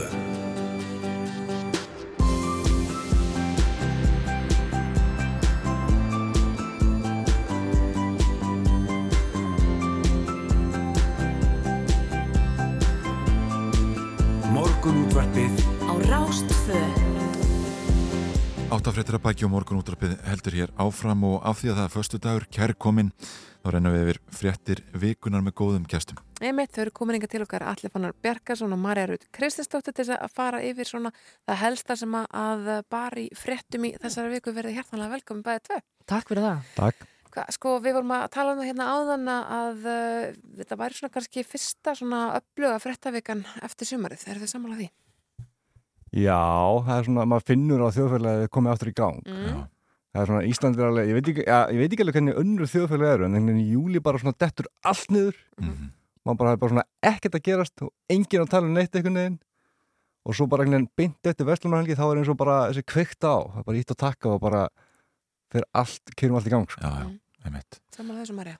Já, og, og svona endur tekna tuggur uh, á haustin, þú veist, það eru leikskólamálin og, og hérna vandræði með að manna og, og ósætti fóreldrar, mér finnst það einhvern veginn alltaf vera svona ákveðið þema í ágúst, einhverju hluta vegna uh, og svo þú veist, hérna núna nýja, þú veist, náttúrulega elgós og allt þetta, þú veist, það er en mér finnst við alltaf vera svona föstir í pítfréttum, þú veist, mér finnst svona hérna, ekki mikið svona, mikil tilbreyði við stef, Það er samt sjaldan verið jafn mikið fútt í sko eins og með leikskólamálunum og núna. reyndar Það er að- er að mótmála, það eru börn í ráðhúsinu með læti, skilur við, þetta er geggja dæmi Já. og bara verið að flytja, það er bara verið að lesa yfir hausamótanum á, á borgarfulltrúum og grenjandi börn í sjónvarpinu og þetta er svona, þetta er svolítið meira fjöru núna. Já, Já. svona þessi veruleiki, hann er, hann er að byrtast Já. fólki sem er bara mjög hressandi fyrir okkur sem erum búin að lesa svona fréttir í mörg ár. Einmitt. Ef, ef við byrjum aðeins þarna með þetta á leikskólamálunum þá á Hjalt Kristín Tómasdóttir sem hefur verið að skipulegja þessi mótmæli mikla eldraði hann í ger Mm. það sem talar um það að stjórnmálafólki sé bara hérna, með einhverja klærusýningar það sem enginn skilur tölurnar og, og þau fá ekkert í hendurna strax uh, sko, hve- hvernig verður þetta svona slegið ykkur þessi umræði þetta skipti uh, er, er borgarstjórn fyrst núna að, að svona taka marka á fólkdrum? Já, verðist vera þannig, ég ætla að koma einhver, svona, einhver aðgerða áallun og, og það er svona að vera, uh, þau ætla að kera eitthvað í gangi. Það er svona, að, svolítið merkilegt að að sjá að svona, að fyrst núna sé eitthvað svona, eitthvað svona urgency að gera eitthvað. Og þetta, hérna, við erum búin að tala um þetta mjög lengi og ég var bara að rifja upp, ég var bara svona, með þessi umræði, eins og Marja segir, þetta er svona, þetta er svona Groundhog Day umræða, þetta er sko fyrir sko þar síðustu kostningar, manni að það var svona, voru fréttur um nákvæmlega sama og þá komur svona, komur lofórð um, hvernig, um úrbætur og þá skoðaði ég kostninga ásluna fyrir sko kostningar á 2014 þegar allir ætlaði að redda þessu einhvern veginn og þetta er bara búið að vera svona í rosalega mörg ár. Já, og hérna, ég er svona búin að vera að hugsa þetta líka, sko, þú veist, að því ég veit alveg að stjórnmálafólk er alltaf vilja gert og hérna, og þú veist, festist kannski svolítið í einmitt aðgerðar áallunum til lengri ára og það eru svo svona þægileg leið til að leysa vanda. En auðvitað eru fóreldrar ekkert endilega sáttir við að fá ekki bara lausn á vandanum sínum strax, þau standa frammi fyrir vandanum núna. Eh, og ef við hugsum þetta bara frá þú veist, 2020 þegar að COVID-batna sprengja nátti sér stað þá hefði maður haldið að þeir eru bara áætlað þú veist, þá fyrir því Einmitt. fram í tíman, það voru endalösa fréttir af hérna, COVID-bötnunum og hérna ég held að allar vinkunum mínar hafi hérna tekið þátt í því. E, og eru þar á leiðandi í þessari stöðu núna að vera að býða eftir plási og, og svona. En afsaki en ég, ég hefði svolítið sko að, að þú veist við erum lítið samfélag og þetta ætti ekki að vera einhver geimvísindi. E, mér sýnist vandin liggja pínu í mönnunarvanda. E, nýjar fréttir hér ekki satt. E, og þú veist þá hljótu við að fara að hugsa þessum bara hvernig eru kjör þeirra sem að vinna á þessum stöðum. Uh, það er eitthvað skakt við það hvernig við erum bara verleggja uh, þessi störf, Mhm. öll ummönnuna störf sem eru svo ótrúlega nöðsilegi í þessu samfélagi. Uh, en við erum ekki tilbúin að verð, verleggja þau einhvern veginn á par við það hversu mikilvæg eru. Og hérna fyrir vikið eru kannski ekkit uh, mjög margir sem eru eld, með eldmóðin í að halda áfram að vinna þarna eða vinna þarna Mhm. og það er svo sorglegt vegna þess að fagfólki sem vinnur á leikskólanum, þú veist, ég bara kynst í sjálf á tvö börn, þetta er bara þú veist, stóðin og stittar í mínu lífi Einmitt. þannig að, hérna, þú veist, það er oft búið að kalla eftir því að bæta kjör uh, þessara stjætta uh, og það þarf líka að skoða hvernig mentunin er og svo framvegs veist, þetta, er er ekkit mjög flókið þannig séð, en þetta er eitthvað sem samfélagi sem heilt, heilt þarf að taka samtala um. Hvernig ætlum við að haga vinnuvikunni? Hvernig ætlum við að láta þetta ganga upp? Að því dæmi gengur bara ekkert upp eins og staðinu núna.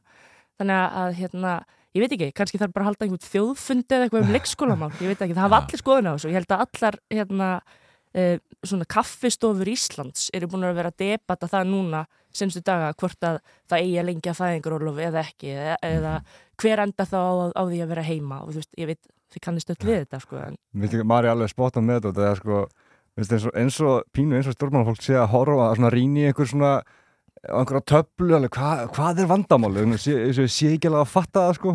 En auðvitað snýst þetta bara um krónur og auðra, þú veist, það er bara eina raugræsta skýringin að við erum ekki að borga þessu fólki nógu mikið af penningum sko. Mm, En launin hafa þetta verið að hækka undan var nára, það hefur kannski glemst að svona koma þeim skilabóðum svolítið, ég er ekki að segja þessu há, en það hefur kannski glemst að að koma þeim skilabóðum svona rækilega á framfæri að, að, hérna, að það sé hægt að vinna á leikskóla og hafa það allt í læg. Já, þetta er kannski líka spurning um ímynd Já. þú veist, og, og hérna og það fólk sem ég þekki sem vinnur á leikskóla segir að þetta sé bestastarf í heimi og, og hérna, ég elska börn þannig að ég trúi því mjög vel og sérstaklega hérna, ábyggla mjög gefandi að vinna á leikskóla en, en einmitt, þú veist, eins og, eins og hérna, formaður félags leikskólakennar var að benda á, þú veist, það vantar bara einhverja fárálega tölu af leikskólakennurum, ég man ekki alveg akkur núna, Já. Kluk, klukkun er ekki mikið. Um, þannig að, þú veist, vandin líkur á einhverju hluta þarna, svo auð- auðvitað þurfum við alveg að taka umræðu hvena börn eru tilbúin og ekki tilbúin og hvort það sé einhvern veginn hægt að skala, skala þetta upp eða eitthvað. En ég treysti bara hérna, þessu góða fólki sem stýri sveitafjölugum þessa lands að bregðast bara hratt við. E, þetta vandamál einskorðast ekki bara við Reykjavík, Nei. e, það verist klefmest líka. Þannig að- að, hérna, já, bara, þú veist, ég held með þessu fólki og, og vona að það bara, hérna, geri sitt og fóreldra fái pláss og bönnum líði vel og allir séu glaðir. Einmitt. Talandi aðeins um uh, pólitíkina og stjórnmálamenn, það hefðu tíðindi á forsjöðum bæði fréttablaðs og, og uh, morgunblaðsins í gær. Já, já. Annars vegar var greint af því að, að, að Kristján Frostóttir ætlaði sér að halda fundi í dag þar sem að er gert ráð fyrir því að hún tilkynni um formansframbóð í, til samfélgarinnar og, og svo uh, var sagt frá því að Dagur B. Eggertsson ætlaði alls ekki að bjóðast fram. Uh, þetta þá lítur þú út fyrir að verða bara einhvern veginn frekar einfalt eða hvað? Já, þú veist, pólitík er samt alls konar. Einmitt. Það getur allt gerst, sko. Landsfundur í október, Já, það er ennþá nægur tími, þannig að ég veit ekki hvort að frambóð Kristrúna muni þá kveikja í einhverjum öðrum að, að stíga fram. Ég var sjálf eiginlega búin að búast við því að dagur færi, sko, þannig að þetta voru alveg svona, ég var svona, já, þetta komið pínu á úvart, en hérna, en já, þannig að það verður spennandi að sjá hvað Kristrún segir. Ef að Kristrún segir í dag að hún ætla ekki að gera þetta, þá veit ég ekki alveg hver stað að samfélgikir hann verður. En, en þetta verður svona ábygglega, hérna, ekkert mikið surprise í dag, hugsa ég. besti innleikur, þetta er bara eins og sko, þetta er eins og maður er búin að vera kannski að fylgjast með alltaf á Facebook fæða maður svona minnbönd frá svona einhverjum strákum í bandaríkunum sem eru geggjar í körubólta þegar þeir eru bara í high school Já. það er alveg geggja góður og maður er að býða eftir þeim í NBA og þeir eru alveg, maður, sé, maður horfir á þau sko í 5-6 ár svo koma þeir alveg geggja sko, Kristrún er þessi svona, þetta spútnik og ef hún, ef hún myndi ekki gera þetta þá held ég að þessi flokk getur bara lagt niður störf sko, en þess að Já. þú veist, en á ekki að samfara hann um að bara hafa um að taka þetta upp á næsta level þá er, er, er bara eitthvað hræðilegt í gangi sko. Einmitt. Dagur útilokað þú ekki að, að, að bjóða sér um til alþingis Já, eh, næst, fara í landsmáli næst aldrei við sjáum um, allt aðra samfélkingu núna á, á næsta árum með tilkomið þeirra tækja Já, það er, bara, það er alltaf mjög gott að koma svona ég er ekki að segja að dagur sé nýtt andlit en hann er nýtt, nýra á þessum vettvangi og það- ég held að segja alltaf holt og hann er alltaf mjög hann er frábær stjórnmálamæður og, hann- og Kristún er, er náttúrulega maður sér það bara þegar, þegar, þegar hún byrður fram með einhvern veginn að hann nötur allt í kringum hann þannig að þetta er bara flott þeim sko ég held að verði bara heldur kærkomið Mm. Áslu Arnars sló svolítið nýjan tón í vikunni, hún var að flakka um landið og með opna skrifstofu, það myndi bínilegt að Daði Oddsson á sínum tíma að taka móti fólki bara svona eina kontur. Já, og hérna í þá tíu mánuði sem Þorgerur Katrín var sjárótisráðara, þá gerði hún þetta líka. Um, en þetta er bara ótrúlega flott framtak hjá Áslögu og sýnir svona, veist, hennar ráðuniti er svolítið svona, manni sýnist hérna, hennar ráðuniti ætla að verða svona hvernig ráðuniti væru ef við værum að stopna þau í dag. Mhm.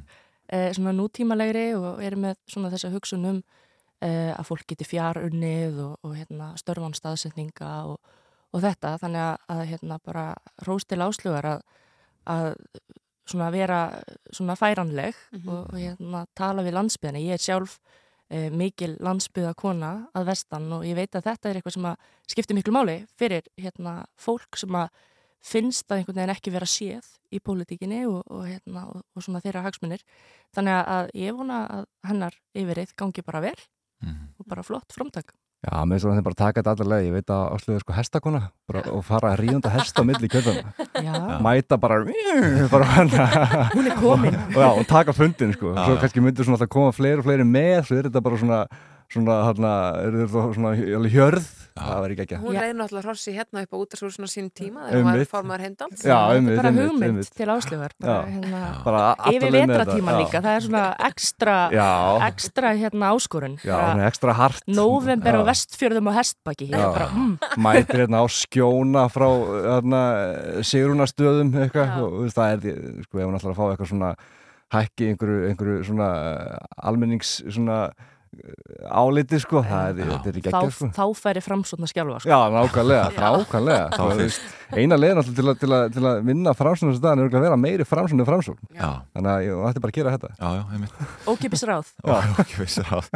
Herri, við erum búin að sjá margt og mikið gerst í þessari viku en, en líka sáu við sorglega fréttunum það að það er ungt fólk að skera niður hins einfón uh, mann einhvern veginn bjóst ekki við þessu árið 2022 Nei, Nei, um, ég er sjálf búin að vera að halda fyrirlestra uh, um hins eiginleikan sem er vettvangur sem ég og Ingi Leif konum mín stopnum síðan 2016 og fyrir svona, svona tveimur árum þá fórum við í mentaskóla og við hugsaðum bara herri, við þurfum ekkert að vera hérna. Mhm. þessi krakkar eru algjörlega með þetta þau voru eiginlega jafnvel komið lengra en við í ákveðnum svona uh, fræðum. Þannig að við bara hérna hugsaðum þetta einhvern veginn. Svo bara er það þannig með öll mannréttindi og alla baráttu að maður má ekki sopna verður og það er búið greinlega að búa til eitthvað smá pláss fyrir hatur í þessu samfélagi. Og, og þá þurfum við sem að erum hins egin á öllu samfélagin að halda að standa með okkur. Og ég veit að meiri hluti samfélagsins gera það, ég veit alveg að þetta er minni hluti sem að haga sér svona. Mm. en þetta eru mjög hættuleg tá. Og þetta gerir það að verkum að hins egin fólk upplifi sér ekki örugt í samfélaginu. Þannig að ég vona að, að bara fólk í þessu landi sem stendur með frelsi, sem stendur með mannvirðingu, sem stendur með okkur sem að erum eiginlega bara segum það að vera við sjálf og vera nógu hugrökk til að vera það að hérna, fólk bara standi með okkur og ef það heyrir eitthvað ruggl á kaffustofunum eða í fjölskyldubúðanum eða eitthvað, bara standa upp og, og taka þátt í því að, að segja bara, herði, nei, við ætlum ekki að vera svona samfélag Mhm.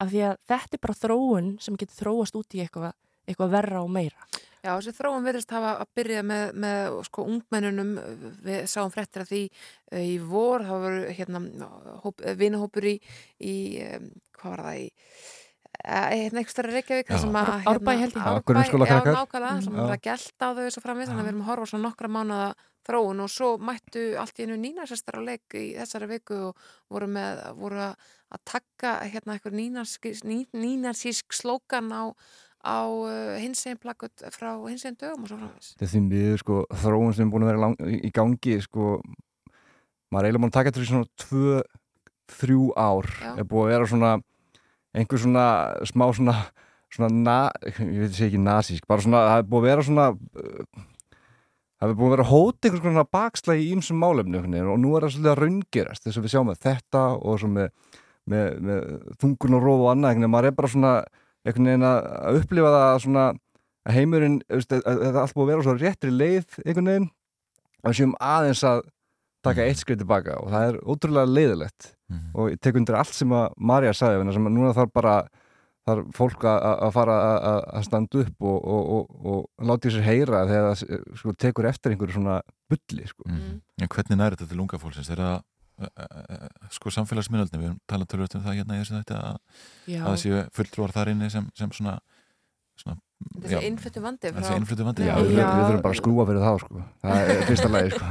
Sko- By- byrja á því já, já, bara, ég skal taka það á mig sko. Þetta er komið gott, þetta var tilvæmst gekk ekki upp. Nei, hérna, sko, unga fólkið, já, meðal annars, uh, þá er þetta vandamál sem er að byrtast í uh, samfélagsmiðlum eins og TikTok og fleira, þar sem að það er hreinlega verið að egna ungu fólki í hatur gagvart jáðasettum hópum. Það er bara staðrind og, og við vitum það. En hins vegar er alveg fullt af fólki í þessu samfélagi sem er, finnur fyrir fordómum, skilur ekki alveg allar þessar skilgrinningar og, og hvað þetta fólk er að bera sig hérna á torgum með sína kynneigð og eitthvað. Það er alveg mjög rótgróði í mjög mörgu bara góðu fólki, svona einhver ótti gagvart fjölbreytileikunum. Já.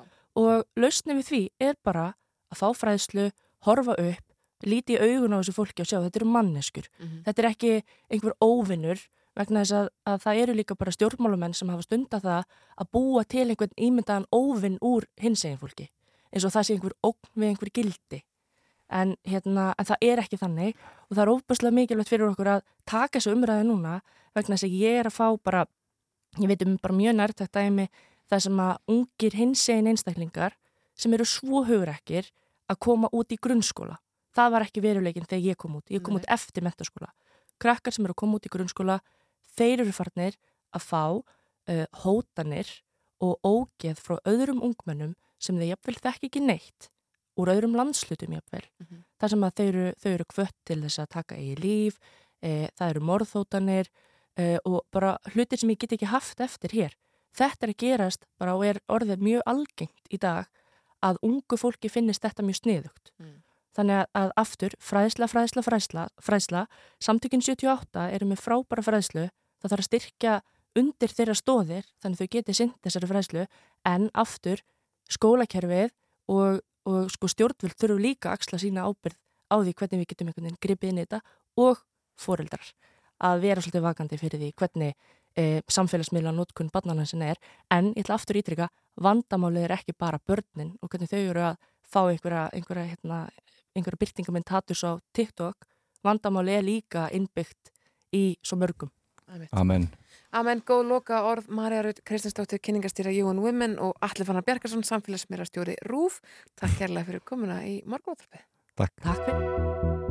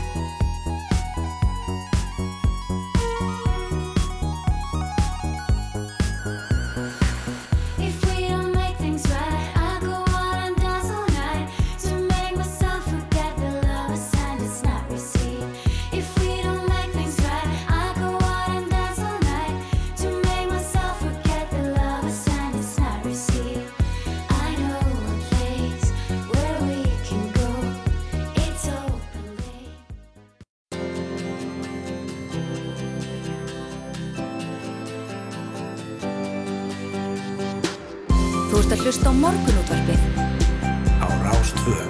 Jú, jú, séðasti hálftíminn runnin hér upp í morgunútvarpinu og við erum komið með góðan gest í setti, það er hann Unnstedt Manuel Stefánsson, tónlistamæður sem ætlar að tróða upp á tónaflöður rásar 2 á austu, ekki á austu villi, á Arnarhóla morgun. Arnarhóli, frekar, já. Ertu hjartanlega velkomin. Takk fyrir.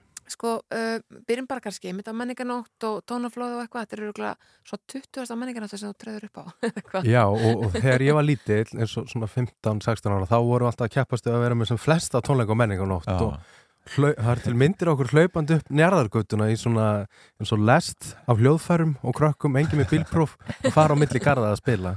En, en, en þetta árið bara eitt gig Já, margt hefur breyst. Við Já. hverjum að búast við frá þér á menninganótt.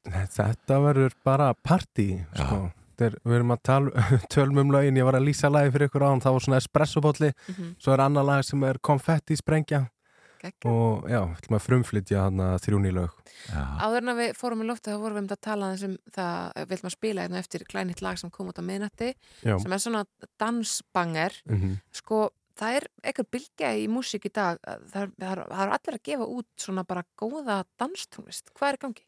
Sko, það, eða sko, skoðið poptónlist, þá er poptónlist alltaf ný og ný stefna hverju sinni og svo rappið er búið að vera kannski ára og tug sem er ótrúlega langt í tónlistasögunni þannig að eins og þegar við vorum í mentaskóla þá var danstónlist aðeins í poptónlist en svo kom rap ókslega lengi og ég held að það sé út á Spotify. Og svo núna kemur faraldurinn og fólk festist heima og getur bara hugsað um að fara á klúbbin og ég sem fór aldrei neitt svona á klúbb ég var alltaf að sjá fyrir mér svona dagdrym að ég stæði einn inn á miðjum klúbb að dansa og Já. það sem ég þekkti engan. Og hérna, og svo tókst, ég fór ég fyrst sér núna í, í mæ á klúbb sko, alvöru klúbb. Og það var bara geggjað sko, þannig að ég held að það eru það, þessi dans tónlistasprengja sem eru að koma inn í poptónlistina séð aldrei mikið bara út af faraldinum sko. Já. Já, já. Fólk bara þyrst í að dansa Já. Já, já, við vorum með að nefna hérna nýja plötu sem Björk er að gefa út sem Já. er með Dansvæn og, og, og Beyoncé-platan og, og, og fleiri svona plötur Já. Drake. Drake, já, einmitt, Mhm. heldur að þetta sé bara þetta lifi áfram núna, næ- næsta árin? Já, allavega einhver tíma líka og, og því að svo er alltaf líka hægt að spá í músík út frá umhverfi skiljið þær til, svo stundum talaði um rap sem bílamúsík, hljómar ótrúlega vel í bílahljókjarum en, en svona danstónlist, það er ekkit endilega þú veist, jú, ég get alveg sett á heima á mér en það er líka eitthvað sem er mjög gaman að upplifa með fólki og með öðrum sko. Mhm, og, og danstónlist er ekki sérstaklega sko svona hérna maður sem er hérna social distance væn sko, veist, það, er, það er erfitt að að vera í COVID-reglugjörunum með danstónlist Nákvæmlega. Sko, þú, þú til dæla nýkomin heim frá Berlín, bjóst þar í smástund uh, það er svona klúpa höfuborg svolítil. Já, algjörlega, en hún, ég var þannig að það er núna undan tvö ár og þá var náttúrulega bara faraldurinn sko. En ég, það var svona byrjað að opna svona undanfarna mánuði uh, en já, ég var bara ógslag mikið heima ímyndi mér hvernig danstónlist hljómaði okkur Já, stöðum sko. já, já. Hvernig klúpa menningin á Íslandi? Ég, veist, það er í raun og veru ekki svo ég veit, ég veit, á, veist, ég get ekki komið hérna eitthvað svona listamæð frá Berlín að tala um hvað allt er ræðilegt á Íslandi en ég, veist, ég veit ekki beint um einhverju svona klúpa eins og það ekkist kannski í Európu en ég held svona að sé að verða eitthvað til Já. en það sem vantar á Íslandi er bara að sé til einhver klúpur sem getur verið opinn allan sólarringin út á örfyrir eða eitthvað hannig Mhm. þar sem að er svona smá aðskilið eitthvað svona ársáttíða fyllir í stjam alveg og svo bara fólk sem ætlar að fara að dansa Já. ég get alveg séð fyrir mér að vakna á sunnundagsmotni og fara á, á klúb út á Granda Mhm. og svo fara hérna í bröðukómi strákin já, já. skil ég Einmitt, það er enda alveg frábær hugmynd Mhm. sko uh, það er stundum það sem tala um það að við Íslingar hérna dönsum eftir texta Já. Og það er eiginlega best að geta staðið í hópa fólks og öskra sótoma já. veginn eða skilur Mhm. er það, hérna, af því þú þekkir alls konar ólíka menningar heima Mhm. uh, er það sér íslenskt eða er það sér hvítt eða veist, hvað er Mhm. hérna það kemur að þessum texta dansi Sko, í allstæðar annar staðar inn í, vestrana heimi þá er dans og, og tónlist þá er það, það sama þú veist, allar t- tónlistastefnur heita sama og dansstefnunar veist, samba og bachata og allt þetta, þetta allt, veist, við þekkjum alveg út frá einhverjum dansskólum en þetta er alveg tónlistastefnur en ég tók eftir þegar að ég byrjaði að fara á, á, á, út á lífið kannski eftir tvítugt og rap var svona ráðandi tónstefnan að þar vildi fólk fara og mæta og bara öskrúr sér lungun og það kunni allir bara einhverja svaka flókna texta og oft svona alveg Pulitzer Prize texta á. Kendrick Lamar inn á príkinu en þegar ég var 16 og var kannski að kíkja á eitthvað minimal techno kvöld á kaffibarnum það áttur helst ekki að þekkja lægið sem var í gangi.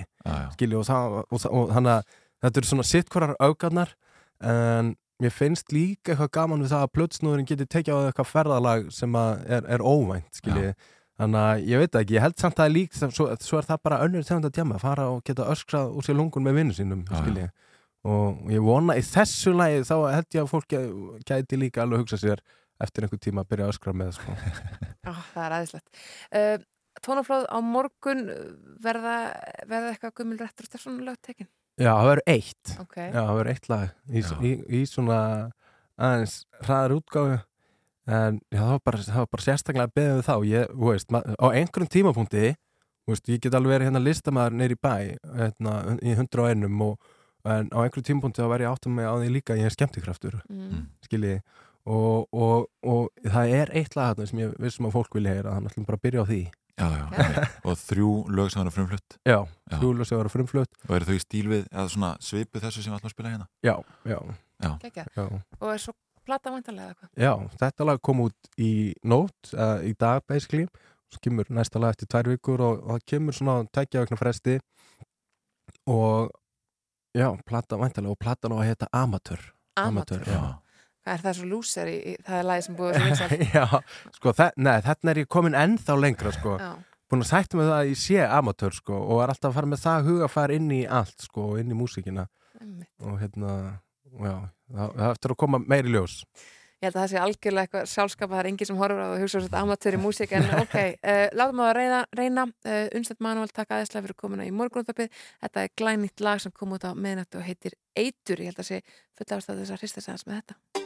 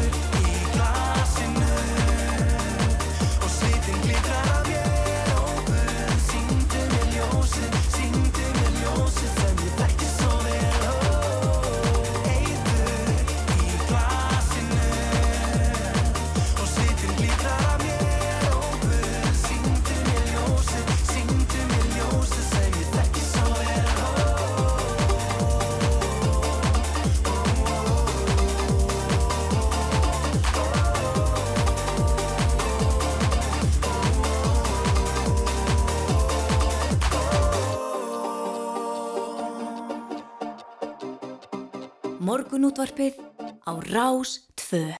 Frumflutningur á læginu Eitur með unnsteini, þetta er hressandi á, fyrstu degi, við vorum að kveðin hérna stórskendlita að ræða við hann eins og alltaf. Ótrúlega gaman og ég myndi bara eftir því að ég var að heyra þess að sé þessu tóna í læginu að þegar við Unstætt vorum úlingar þá fórum við saman til útlanda til Finnlands að því við vorum saman í svona, svona ungmennaskiptum og þá vöktum við stundum heilu nætnar og drukkum orkudrykki og hlustuðum á svona teknómusík Já. Það er eiginlega svona mín fyrstu kynna teknomúsík mikið. Já, allt í henni var að munna þetta þegar, að- þegar ég heyrði þessa síðustu teknotóna í þessum, þessum mikla danslægi gaman að því.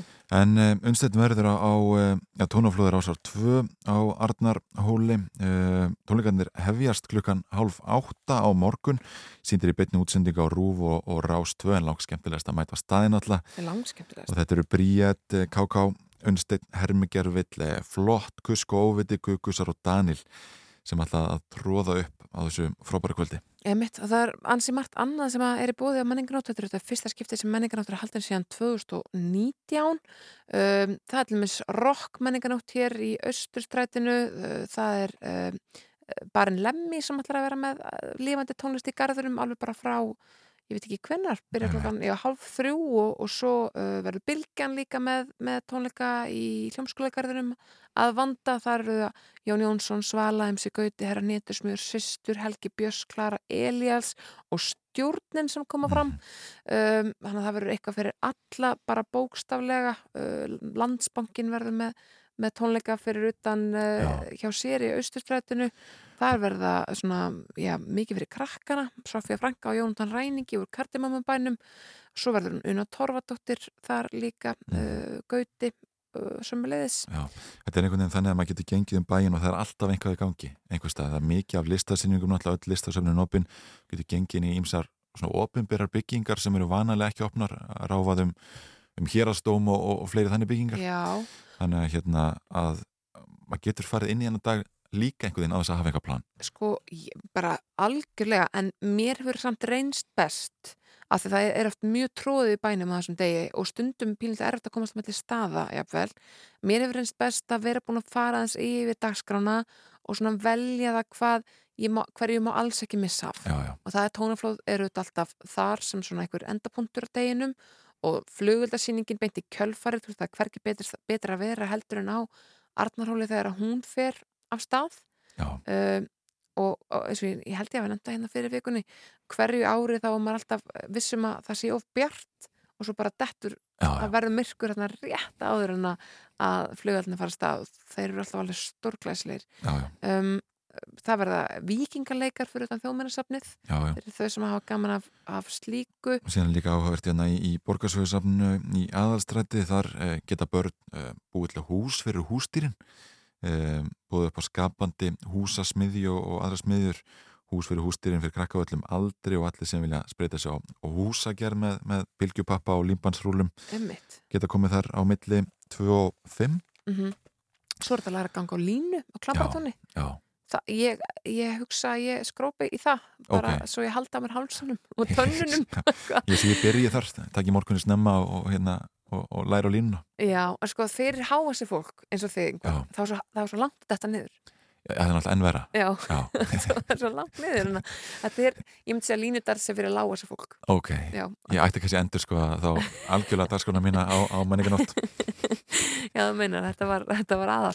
En svo er þetta sko ótrúlegur fjöldi að hlaupa í Reykjavíkumarathóninu og, og ég held ég hef aldrei séð ég mikið af einhvern veginn fólki sem er að Nei. safna styrkjum og áhættum Það er með dýra á, á fórsið morgunblassis 8000 hlauparar skráðu til leiks í, í Reykjavíkum marathóni og e, það er, það er heil mikið 700 þeirra erlendir.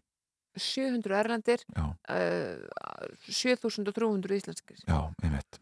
Og er alltaf þetta fólk að safna, safna áhættum?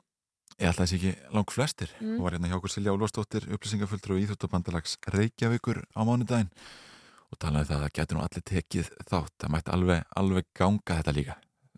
5 km eða, eða skemmtilöp eða, eða hvað maður vill Já, maður er svona í kringum 7000 mann sko. Já, já, maður þarf svona maður þarf svona þess að þú veist að það, er okkur stolt sem þarf að verja væntanlega, er það ekki? Ég var nákvæðum tíma minnari Ég kannski ekki ná góðum tíma en, en maður leggur allavega ekki stað gangandi frá, frá startlínu var maður líka fyrir mynda maður ætla. Mikið fyrir. Já. Al, já. Já, já. ég meni ég er ekki að dæma neitt ég bara segja, ég, svona, ef ég ímynda mér að ég væri þetta mér, ég Við ég myndum alltaf að fara í þetta til að vinna kannski ekki vinna af því að það er líka merkjum þú veist, að, að svona, það, maður sandir ákveðin på mig Já, því, sko. En, en ég myndi ekki byrja gangandi ég myndi, ég myndi reyna mitt besta Einmitt, og, einmitt. og hlaupa alltaf það sem er fólk að fylgjast með Já. og svo allt í hennu þegar ég er án síðust og enginn sér, þá kannski er allt um þetta Já, já. Ég held að það sé ágættisplan að hvort þið fáum eitt annar lag gerir síðan tilrönd til að, að ræða leikskólumálin aðeins betur hér í, í lokþáttar Já. Og e, já, margt fram um dana á þessum ágætta förstu hér á rásinni. Algjörlega, heyrum í Diane Ross og Tame Pala. Turn up the sunshine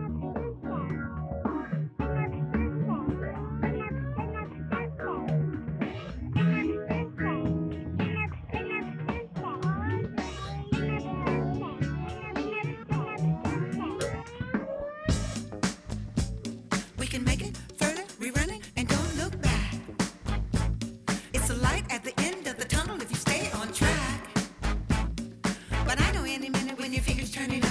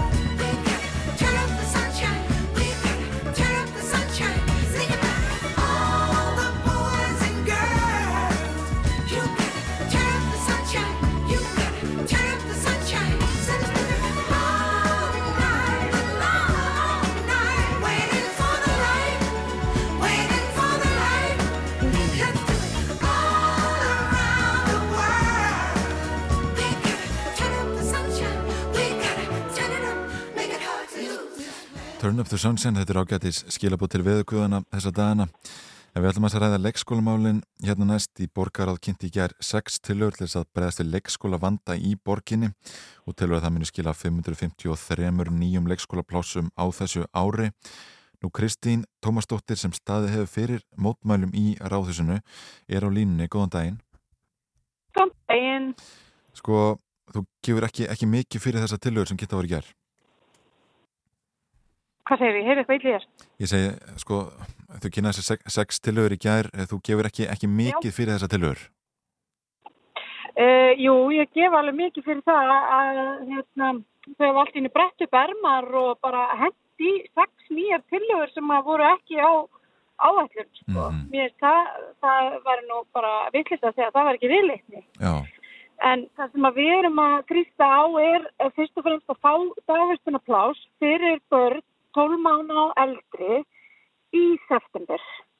Og þessar tölur, þær, eða þessar tölur sem að þau kynntu í gær, uh, þær er ekki með neining dagstækningum eða loðorðum um dagvistunarplás í bráð, sko. Já, já, einmitt. En sko, en er það raunhæft að, að það er 19. ágúst, heldur að það væri bara hreinlega hægt að, að lofa öll þessum börnum leikskólaplássi í september? Já, þau voru nú að leggja fram tillögur sem viltu meina að hljóðu upp á það fyrir utan að þau senda okkur bref í marg þess efnis að það væri bara mjög raunhægt. Þannig að veist, það er bara ekki mitt að meta, sko. Ég bara er engin sérfræðingur í þessum málum en þau eru þá aldrei að lofa upp í armin á sér og gera einhverjar rangar áætlanir, sko. Einmitt. Þú greindur svo því fyrir einhverju síðan að þú ætlaðir að mæta fyrir utan, eh, já, fundi borgarðs eða borgarstjórnar og, og mótmæla þar til þetta verið lagað. Eru þessar sex tilögur nót til að þú uh, breytir þeim áformum eitthvað? Nei, því miður, sko. Þú veist, við bara viljum náttúrulega halda áfram þar til að það hefur fundist laust í þessu málum. Það hefur verið svona æli þeirra að, þú veist, þau hafa fóðið frá fá leikskólaplast og hægt að pæla í þessum vanda sem að verið bara vera stöður á hverju einasta hösti. Uh, og það var svona kannski það sem að ég ætlaði mér í þessu var að láta þetta ekki bara sopna heldur að frista á að hér verði bara breytingar í dagastekkerfinu þannig að við þurfum ekki að hafa þennan kvíðan út í maganum. Já. þegar við erum með svona lítil bótt. Einmitt. Sko það var svolítið sérstakt, uh, eða svona, já, bara óvinnilegt hérna aðtöki gær þegar að, þú stegst upp í pontu og, og helst þarna þrjumur ræðu yfir e, borgarfulltrúnum sem að vakti mikla aðtekli. Uh, hvernig kom það til að, að svo ræða var haldin? Hver bauðir í pontunum? Já, hún var nú aldrei óhundi búinn, sko. Þetta var eh, svona þeirra framlag og þú veist, ég gef þeim fullt að prekum fyrir það að- eiga samtal við okkur, sam, borgarfulltrúana Mm. og veist, útskýra að þeir sé að vinna í þessum málum, útskýra að hérna, þau eru reyna að finna lausnir og tillögur og svona og ég bara fagnaði því samtali og bara sem foreldri vildi taka þátt í því. Þannig að ég gaf bara mínu eh, sín á, á þessar tillögur sko og, og hérna og það kom bara svona út úr mér, Já, einmitt. beint frá hjartanum. Já, já, akkurat. Eitthvað hjartanum, það Mm. ljómar ansi vel. Það hljómar ansi vel. Ég held að, að þetta sé ágætis lokaður líka Kristín Tómasdóttir sem staðið fyrir mótmælum í ráðusunni. Takk fyrir að vera á línni og fá kannski að ég heyra aftur í þér einhvað eh, á næstu hugum. Alveg sjálfsagt. Takk hérlega. Gangi vel. Bye bye. Bless, bless, bless. Það kom að lokum hjá okkur í dag einhver. Já, við erum búin að koma víða við í, þætti dagsins uh, vorum að, já, til að mynda að ræða við fórstjóra persónuvendar um, uh, já, það að, að, að síðustu dagar hafa Íslandingar geta forvitnast um laun samlanda sinna, Mhm. ringt í tekjublaðið og, og fréttir fjölmjöluna um, um hver er launahæsti áhrifavaldurinn og, og, og hver hefur minnst upp úr því. Einmitt og það sem að var kannski áhugavert í því spjalli var að fjármaks upplýsingar okkar, eða, eða, já, þær eru ekki flokkar sem viðkamar persónu upplýsingar eins og heilsufara eða annað. Nei, og síðan rættu við við eh, já, hagfræðing landsbónkan sem verðbólguna það eru jákvæðar horfur þar segir að í, í september megi strax sjá hjöðnun. Einmitt, við uh, rættum stóra vísindaraðstöfnu sem að viðstónstundu fyrir í hörpu næstu viku og fórum yfir frettir vikunar á samt því að fá unnstinn Manún Stefánsson til okkar til að uh, spila fyrir okkur nýtt lag frá hann. Við segjum bara góða helgi og við verum hérna aftur á, á mándaginn. Góða helgi.